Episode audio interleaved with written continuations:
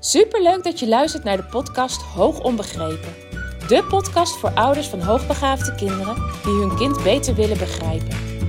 Mijn naam is Eveline Noordzij en in deze podcast deel ik tips en inspiratie zodat jij jouw kind beter gaat begrijpen, meer en meer in jezelf gaat geloven en durft te gaan vertrouwen op jouw intuïtie. Hoe ga je om met uitdagende situaties? Wat heeft jouw kind van jou nodig? En hoe zorg je voor verandering zodat jouw kind zich gelukkig voelt? Ik heb er veel zin in om dit allemaal met jou te delen. Dus laten we voor vandaag maar beginnen.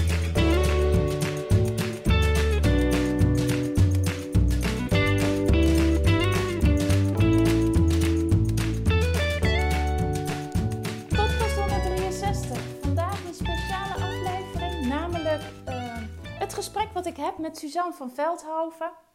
Inmiddels al een paar weken geleden opgenomen. Ehm, ik ga er niet te veel over vertellen, even een kleine introductie wel. Suzanne en ik kennen elkaar inmiddels al bijna negen jaar. Eh, we hebben elkaar op een gegeven moment ontmoet tijdens een beurs waar we beide stonden voor onze eigen praktijk. Ik was op dat moment zwanger van onze derde. En Suzanne eh, geeft onder andere ehm, bevallingscursussen. En ik ben, eh, ik ben zo'n cursus bij haar gaan volgen. Nou, van het een kwam het ander. We hebben jarenlang heel intensief contact gehad met elkaar. De afgelopen jaren is dat wat meer verwaterd. Aan de ene kant eh, door de coronatijd. Hè, we konden elkaar wat minder eh, vaak zien. Aan de andere kant ook omdat wij toen vanaf dat moment zijn gaan reizen. En ik veel in het buitenland heb gezeten. Maar ehm, ja, we zijn elkaar weer tegengekomen, uh, weer contact met elkaar gelegd. Van het een kwam het ander. Nou, en daar ga je dus nu naar luisteren. Heel veel plezier. Uh, blijf tot het einde luisteren, want ik heb nog iets heel leuks voor je. Ik mag een heel mooi boek van Suzanne aan jou weg gaan geven. Nou, ik zit vandaag met Suzanne van Veldhoven hier bij mij op de praktijk. Vandaag uh, ga ik Suzanne interviewen. Suzanne is moeder van twee hoogbegaafde kinderen heeft een eigen praktijk, praktijk bijzonder, waarin ze ouders, to toekomstige ouders begeleidt tijdens hun zwangerschap. En ze heeft uitgeverij bijzonder. Welkom, leuk dat je er bent. Dankjewel. We gaan het vandaag over allerlei uh, onderwerpen hebben. Onder andere ook over het boek wat je hebt uitgegeven met uitgeverij bijzonder. Maar uh, ik ga eerst even met jou hebben over jouw eigen hoogbegaafde kinderen. Wanneer Wist jij of wisten jullie dat jouw kinderen hoogbegaafd zijn? Nou, er is denk ik een verschil tussen weten en voelen.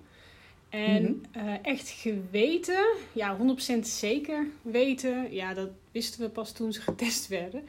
Maar je hebt natuurlijk wel van tevoren je vermoedens. Um, maar we hebben altijd al wel gevoeld dat onze kinderen ja, anders waren, tussen aanhalingstekens. Um, Waar merkte je dat aan? Dat ze anders waren, of nog steeds zijn? Nou ja, nog steeds wel zijn, denk ik. Um, ik denk dat we er pas echt achter kwamen toen onze kinderen naar school gingen. En we ze in, ja, naast andere kinderen zagen. Uh, ja, dan waren ze toch echt wel anders qua gedrag, qua uh, praten.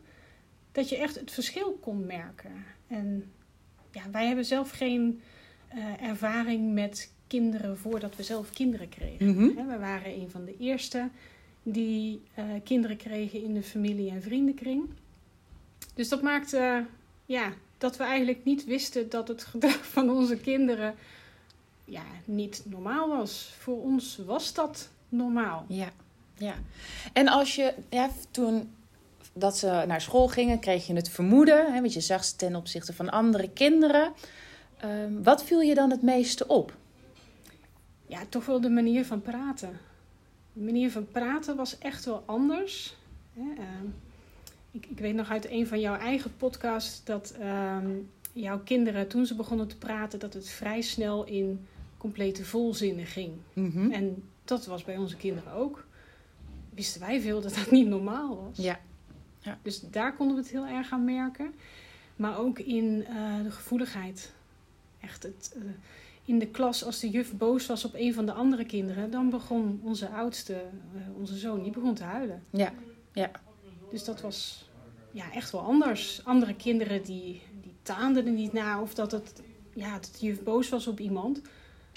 En onze zoon wel. En als je nu terugkijkt in die periode tussen 0 en 4 jaar. Want ehm, nou, ik heb ook wel luisteraars eh, van de podcast die wat jongere kinderen nog hebben. Eh, je zei van ja, toen was het ons niet opgevallen, want we hadden weinig vergelijkingsmateriaal. Als je nu terugkijkt naar die periode, wat denk je dan, hè, behalve die volzinnen of vrij vlot kunnen spreken op jonge leeftijd? Wat zijn nog andere dingen die, ja, waarvan je nu denkt van hé, hey, dat was ook wel een signaal geweest? Ehm, ik denk de interesses die onze kinderen hadden. Dat we het daar ook toch echt wel aan konden merken. Het speelgoed, ehm, daar staat altijd zo'n leeftijd voor. Ja, heel mooi zo'n leeftijd. En dat werkte niet bij onze kinderen. Nee, Als we dat speelgoed aangaven, dan ja, vonden ze echt niet leuk. Dus wij hebben altijd wel, eh, als we speelgoed eh, eh, aanschaften of kregen, dan was dat voor veel oudere kinderen. Ja. Ja, dat is ook inderdaad een van de dingen die ik altijd adviseer met jonge kinderen. Laat, het, eh, laat die leeftijd lekker varen en, eh, en ga kijken wat je kind eh, leuk vindt. Ja. Maar dat was voor jullie in ieder geval ook, nu je terugkijkt, in ieder geval wel een signaal van hé, hey, mijn kind is anders dan andere kinderen. Hey, je had het er net ook al over van, hè, dit was een gevoel. Dat werd versterkt toen ze eenmaal naar school gingen. Toen zagen we pas meer dingen die, ja, waarvan onze kinderen ja, toch anders waren dan de andere kinderen.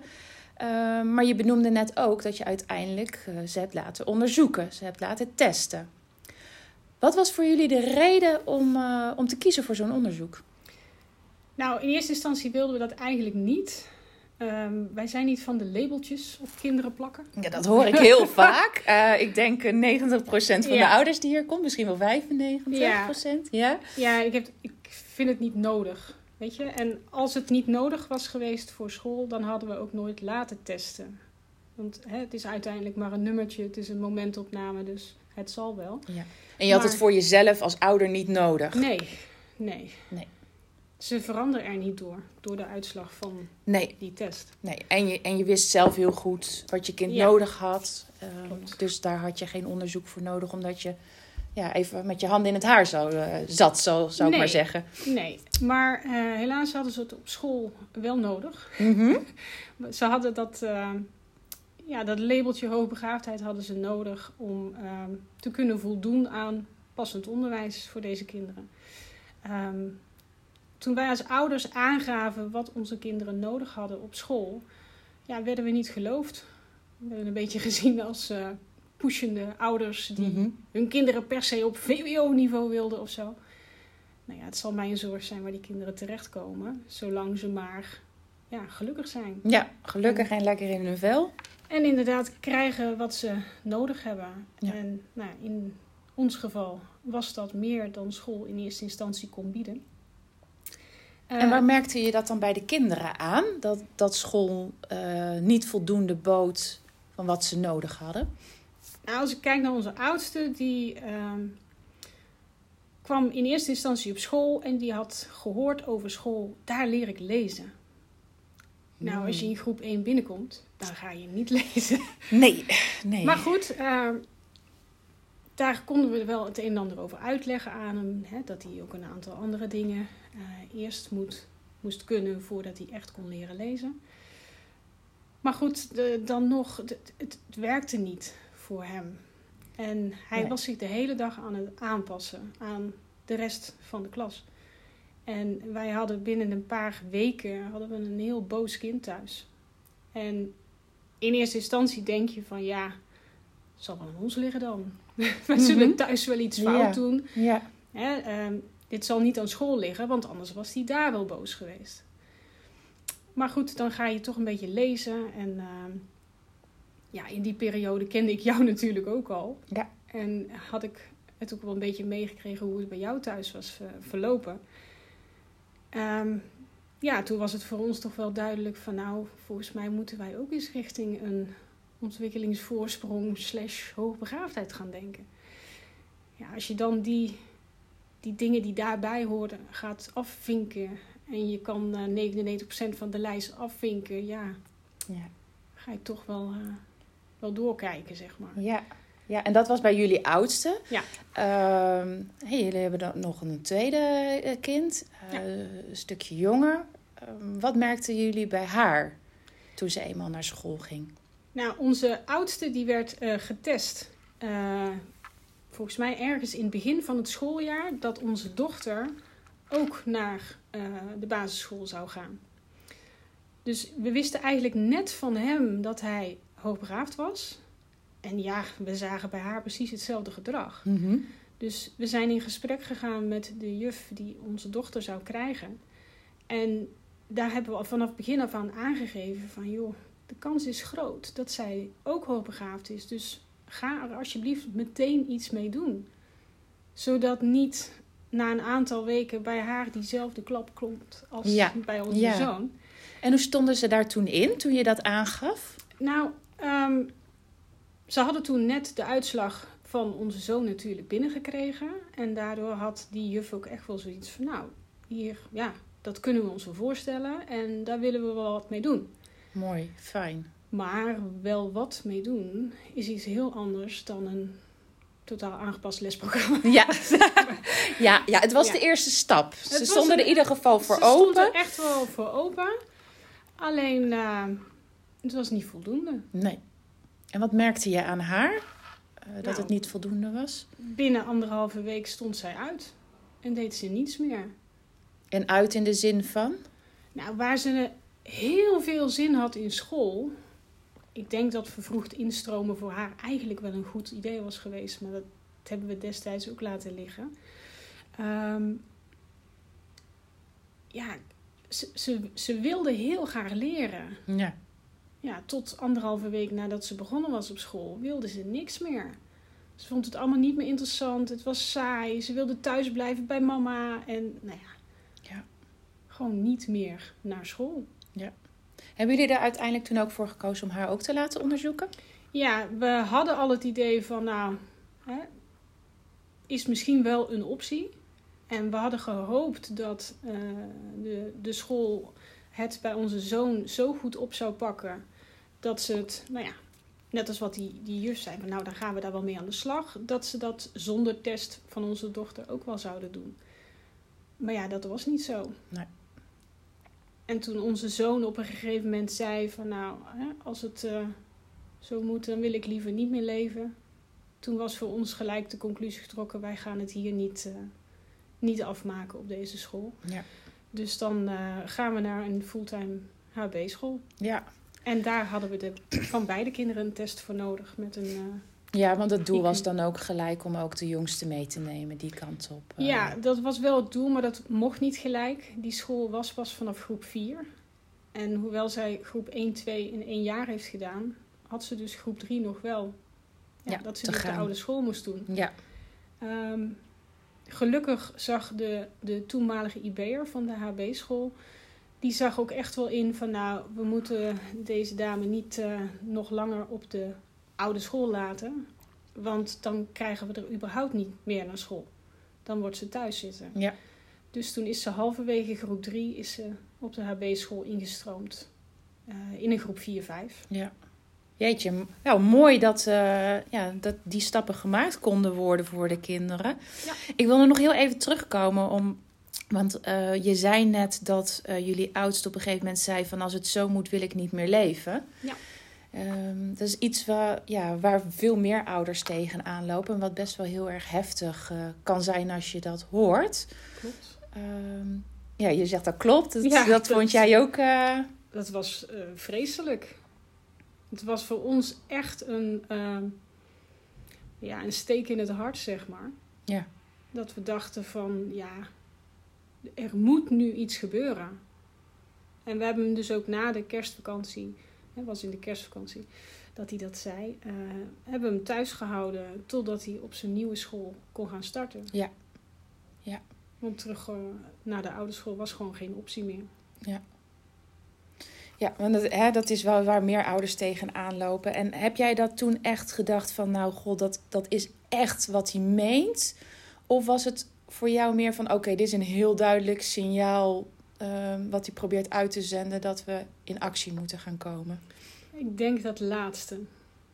toen we het er met hem over hadden, toen hij dat eh, had gezegd, ehm, bleek uit alles dat hij eh, duidelijkheid wilde over dat hij niet meer terug naar die school wilde. Mhm.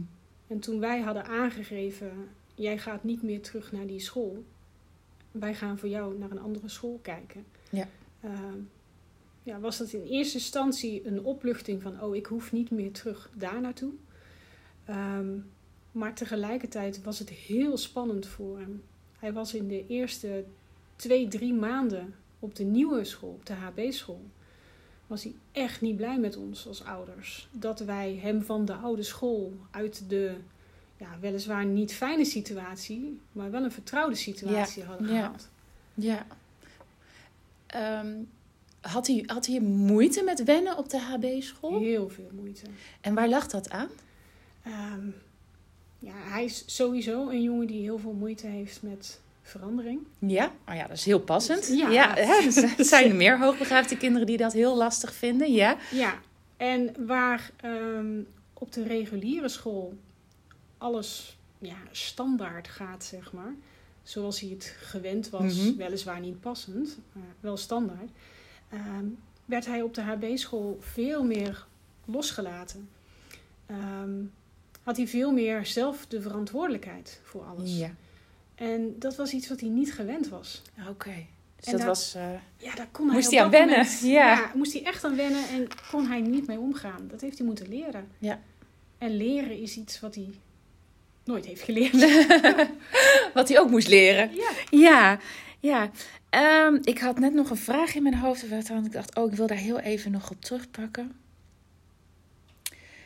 Nou, ik weet het niet meer. Misschien komt het straks nog wel eh, eh, weer op. Mhm. Uiteindelijk hebben jullie dus beide kinderen laten onderzoeken. Mhm. En eh, konden jullie met die onderzoeken. ehm, nou ja, in eerste instantie probeer je dus op de, eh, op de reguliere school. heb je geprobeerd om te kijken van. Goh, kan er dan passend onderwijs komen? Nou, de conclusie was op een gegeven moment van. Nou, dat, dat lukt niet meer. Nee. Ehm, toen hebben jullie de overstap gemaakt naar de HB-school. Ehm, hè, daar had je die onderzoeken natuurlijk beide voor nodig. Ja. Hoe ging dat op die HB-school met de kinderen? Nou, in eerste instantie ehm, was dit school, de, de HB-school, was er echt op gericht om eh, het welzijn van onze kinderen eh, terug te laten komen. Dus ehm, emotioneel gezien eh, was er een behoorlijk trauma opgelopen. En daar zijn ze in eerste instantie mee bezig geweest om dat te verminderen. Zodat ze weer tot leren zouden kunnen gaan komen. Ja. En Ja. daar hebben ze echt de tijd voor genomen. Ehm, ja, ik denk dat dat bij onze zoon wel ja, twee jaar heeft geduurd voordat ze. Ja, niet voordat ze toetsen en zo weer gingen invoeren. Dat, dat Nee. was al wel eerder. Ja. Maar daar werd absoluut niet, eh, niet moeilijk over gedaan. Nee, er werd geen druk op hem Nee. eh, gezet in de zin van er moeten nu prestaties komen. Nee. Er was veel meer aandacht voor het emotionele Klopt. en het weer goed in je vel kunnen zitten. Ja. Als voorwaarde voor weer kunnen gaan leren. Ja. Maar mooi. Ja. En was dat bij jullie dochter ook zo? Ja, die moest natuurlijk halverwege groep 3. Hè, die was nog bezig met leren lezen. Dat ze al in groep 4, 5 met oudere kinderen, echt oudere kinderen, eh, moest komen. Ehm, dus ook die hebben ze de eerste jaren echt wel laten groeien in haar rol. Ik denk pas in groep ja, 5, denk ik, dat ze echt eh, ja, een beetje meer tot leren kon komen. Ja. Ehm, het was niet zo dat eh, jullie dochter in, hè, als. eh, nou, ze was eigenlijk qua kleuterleeftijd nog. Ja. Hè, ze zat in groep 3. Dat ze in 4-5 instroomde. Het was niet zo dat ze ook meeging in groep 4-5. Hè. Ze heeft uiteindelijk toen. Ze zat wel in die klas. Ja. eh, maar het betekende niet dat ze nog een klas had overgeslagen. Nee, want ze is dus halverwege groep 3 is ze in die klas gekomen. En uiteindelijk heeft ze gewoon daarna, het jaar daarna, in groep 4 is ze gestart. Ja. Het was toevallig dezelfde klas dan, maar Ik weet weer wat ik eh, eh, wilde vragen. Ehm, ja, want ik wil nog heel even met jou op terugkomen. Jij zei daar straks, ehm, toen onze kinderen eenmaal naar school gingen, tenminste toen onze oudste eenmaal naar school ging en hij eh, na een paar weken continu boos thuis kwam, dat je het gevoel hebt dat, eh, had dat het aan jullie lag, aan jou als ouder. Ehm, wanneer was het moment dat je begon door te krijgen van het ligt niet aan mij als ouder, maar het ligt aan de omgeving in de schoolse situatie? Nou, dat heeft best wel even geduurd hoor. Ehm, in eerste instantie dachten wij, uh, daar op school hebben ze alle expertise, daar weten ze het wel. Wat goed is voor een kind en wat niet. Ik hoorde daar laatst een, uh, volgens mij een van jouw podcasts over. Dat je zei 50% van de gevallen van hoogbegaafdheid bij kinderen wordt niet herkend. Ja, dat klopt. Ja, ja.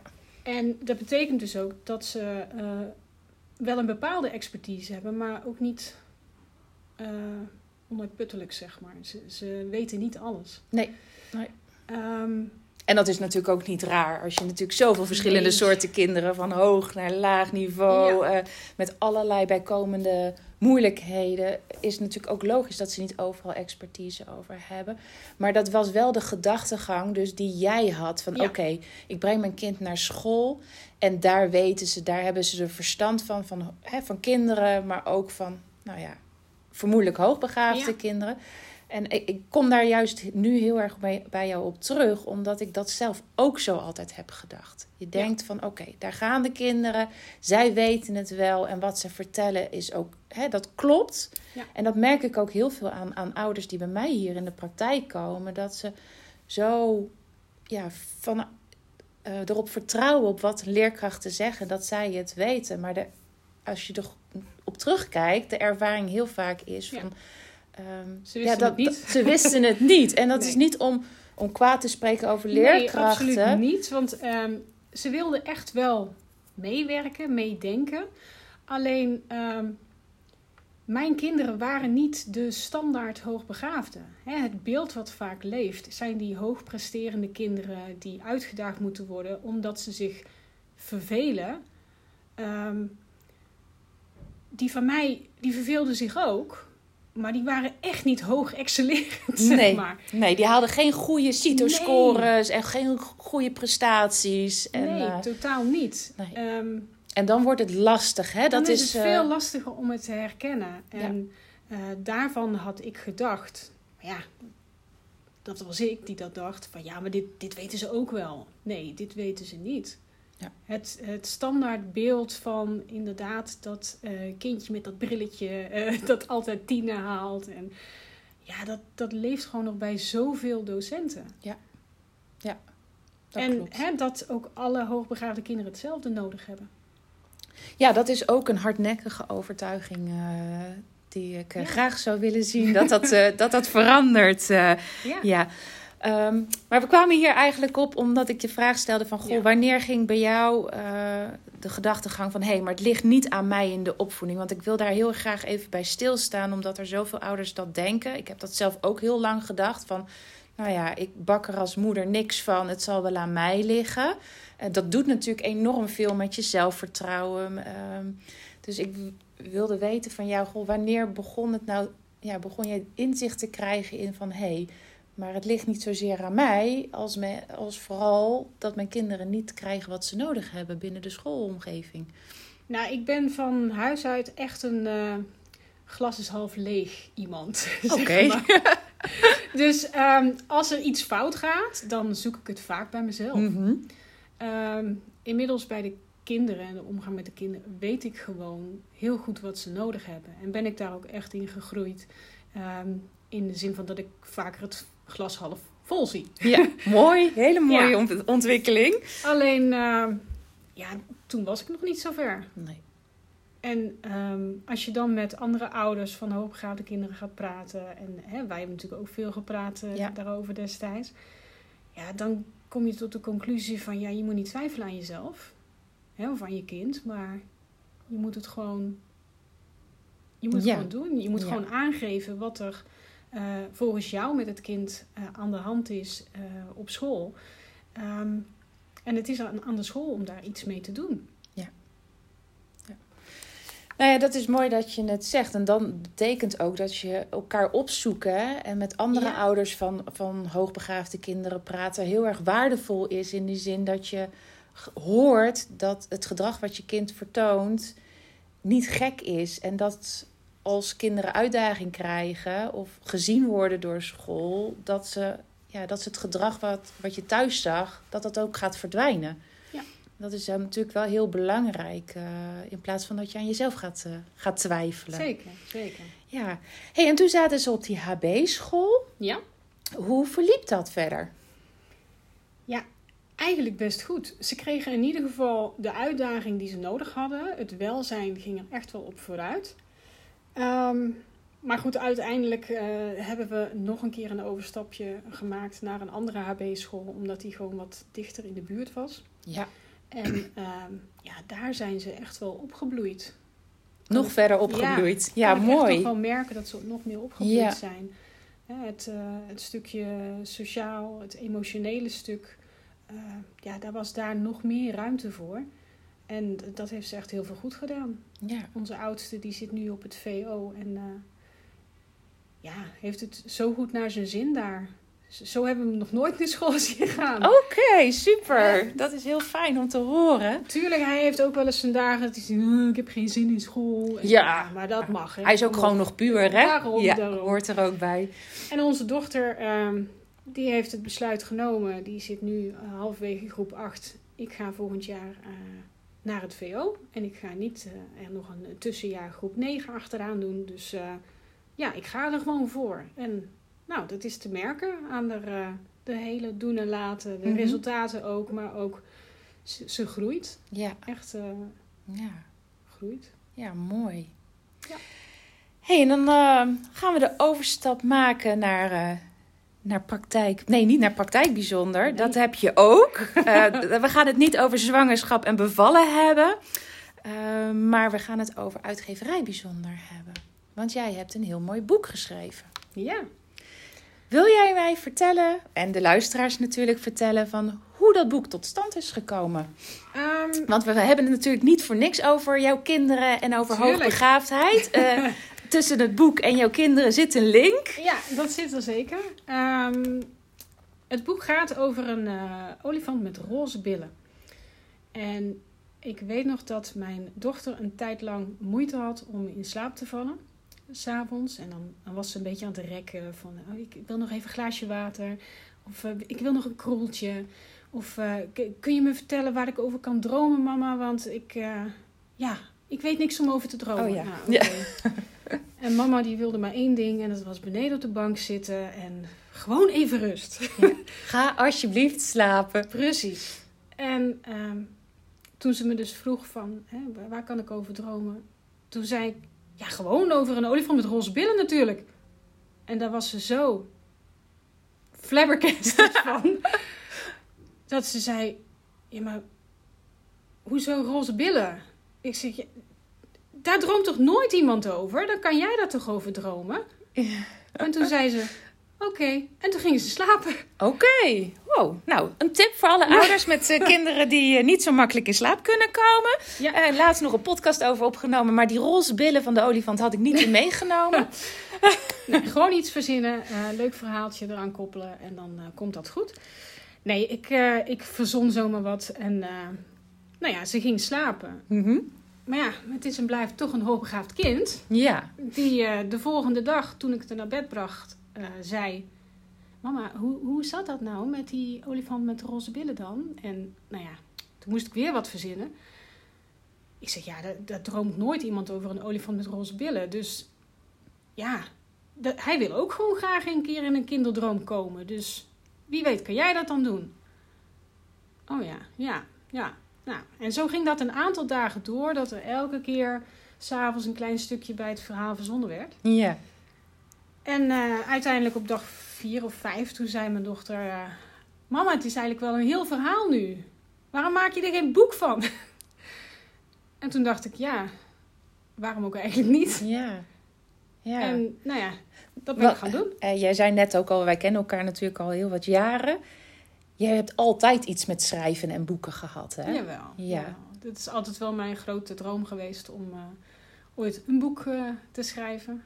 En eh, nou, daar ben ik de afgelopen 14 jaar mee bezig geweest met een roman. Ja. maar die is er nog niet. Dat duurt nog even voordat die komt.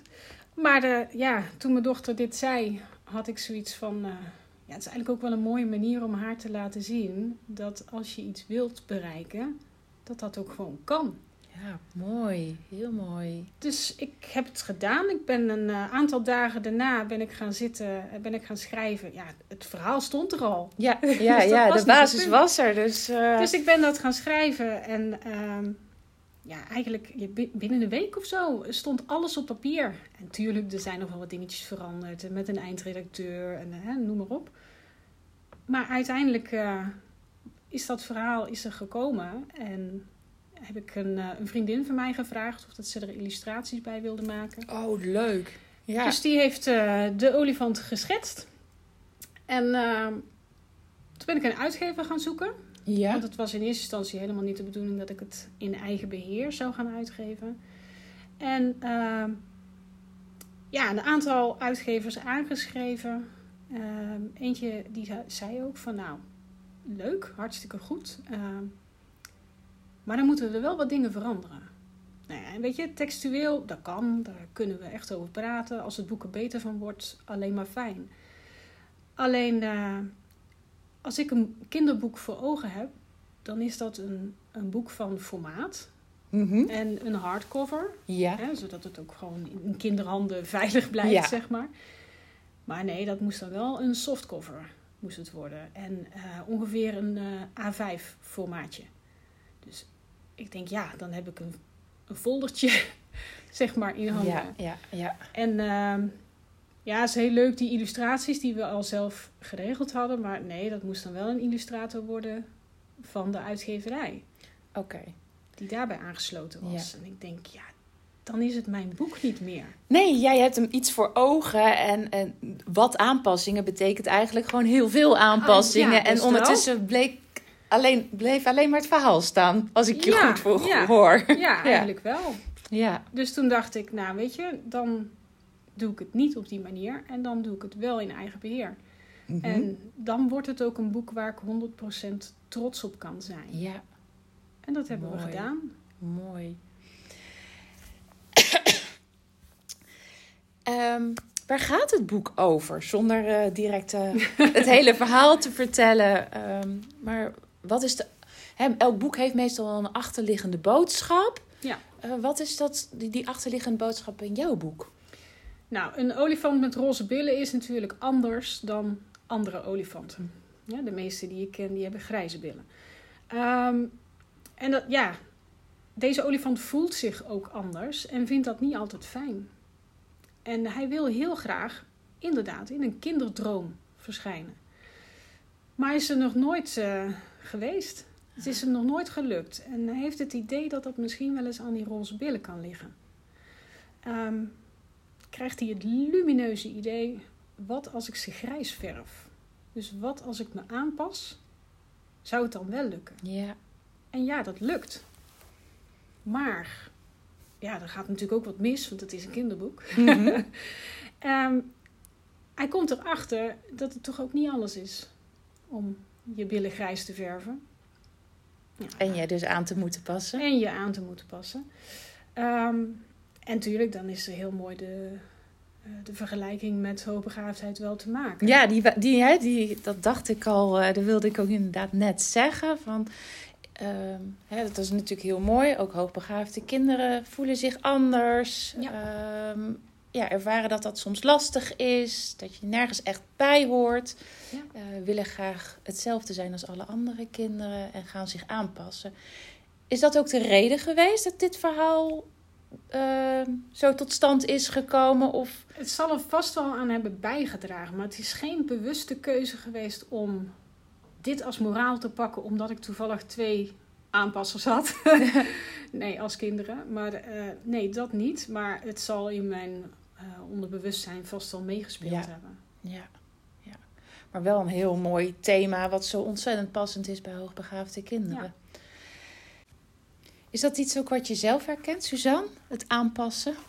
Eh, ja, zeker. ja, absoluut.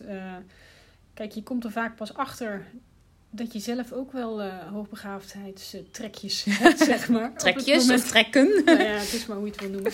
Um, maar daar kom je pas achter op het moment dat je zelf uh, kinderen krijgt. Uh, ja, dat je je daar als spieltjes, zeg maar, dat je het in terugziet. Ja.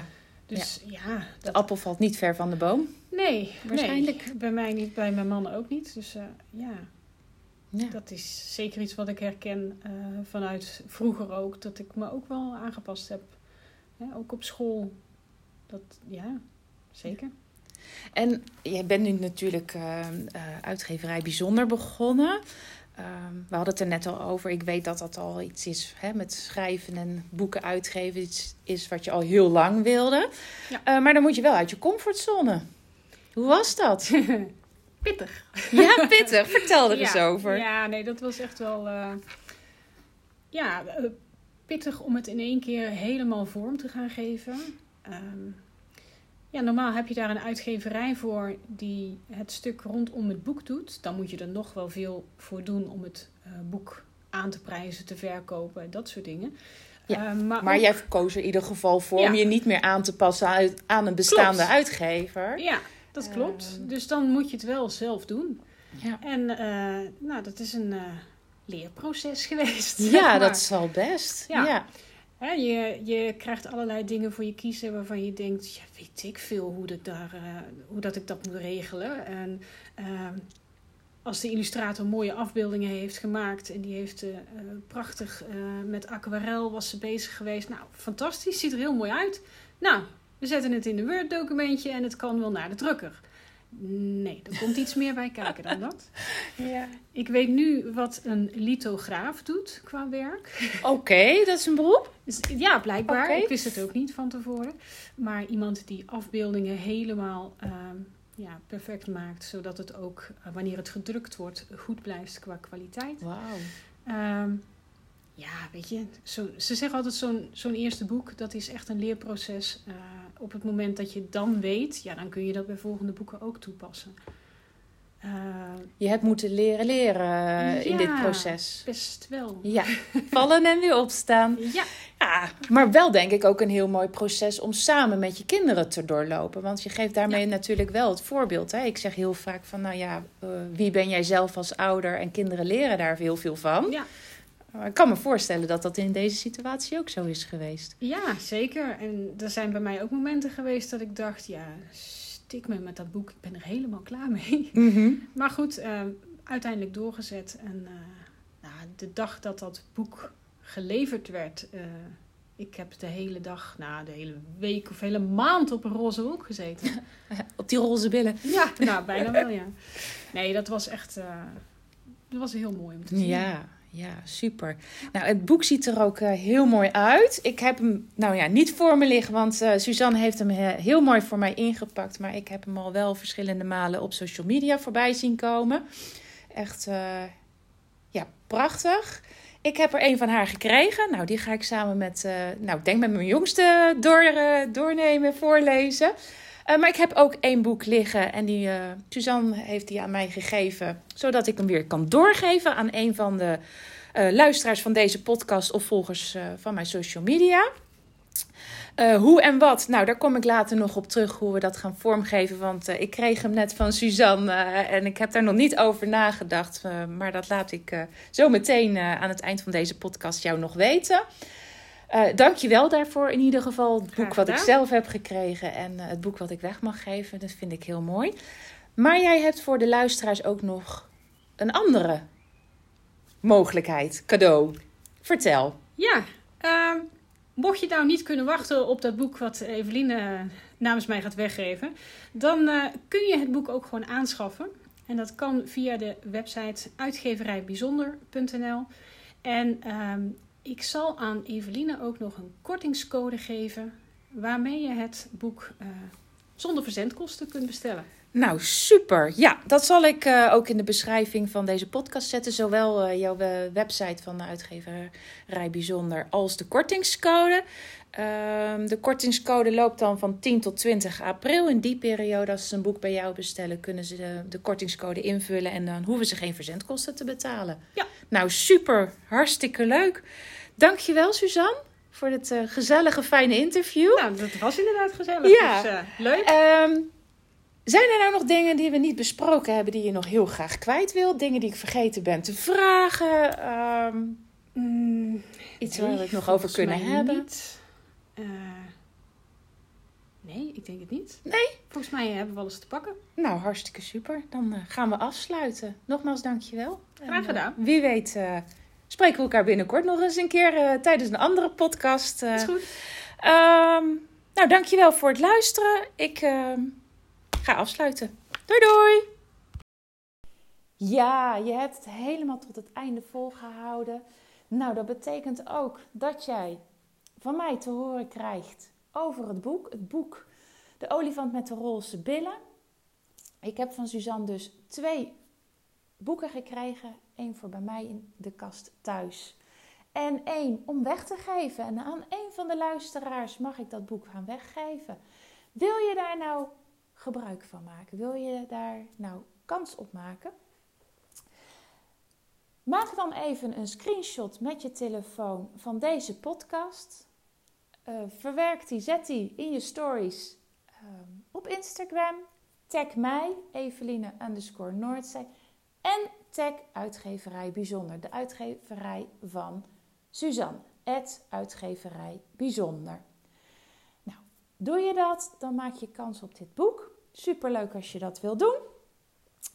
Maar Suzanne heeft ook een andere mogelijkheid. Als je nou dat boek zo graag wil hebben en je wil niet wachten totdat ik dat boek aan een van mijn luisteraars ga, cadeau ga geven. Dan kan dat met de kortingscode. En dan moet ik hem even opzoeken. Suzanne heeft hem naar mij doorgestuurd. Had ik natuurlijk even kunnen voorbereiden. Maar goed, dat was ik even vergeten. Uh, nou, heel logisch natuurlijk. Met de kortingscode hoogbegaafd kan je, krijg je korting van vandaag 10 april 2023 tot en met 20 april 2023. Dan kan je op haar website van Uitgeverij Bijzonder het boek De olifant met de roze billen bestellen. Vul dus dan die kortingscode hoogbegaafd in en je hoeft geen verzendkosten te betalen. Ja, dankjewel Suzanne voor dit mooie aanbod.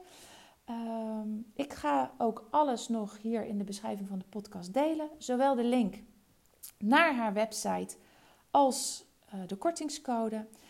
En uh, nou, nogmaals dankjewel voor het luisteren. Hartstikke leuk dat je